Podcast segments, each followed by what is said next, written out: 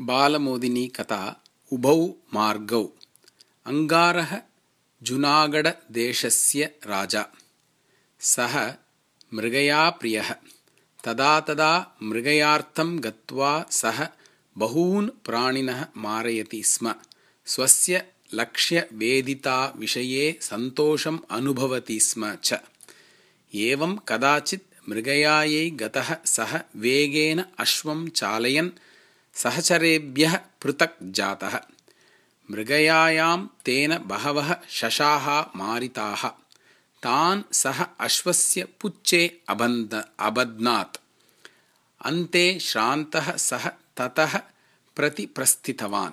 किन्तु प्रतिगमनमार्गः तेन न ज्ञातः।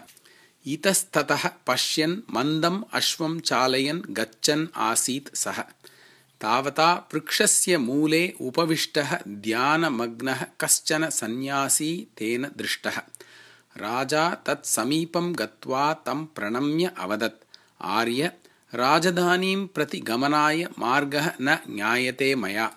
अहं मार्गभ्रष्टः अस्मि कृपया मार्गः दर्शयताम् इति।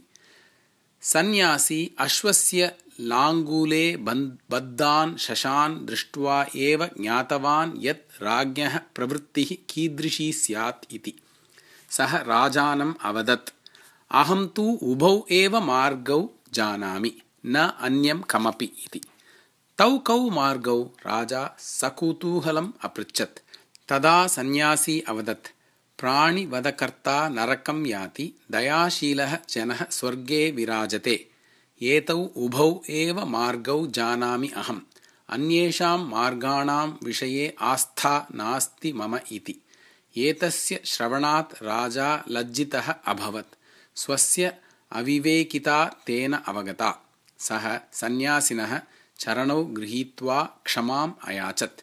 इतः परम् अहं प्राणिवधं न करिष्यामि इति प्रतिज्ञातं तेन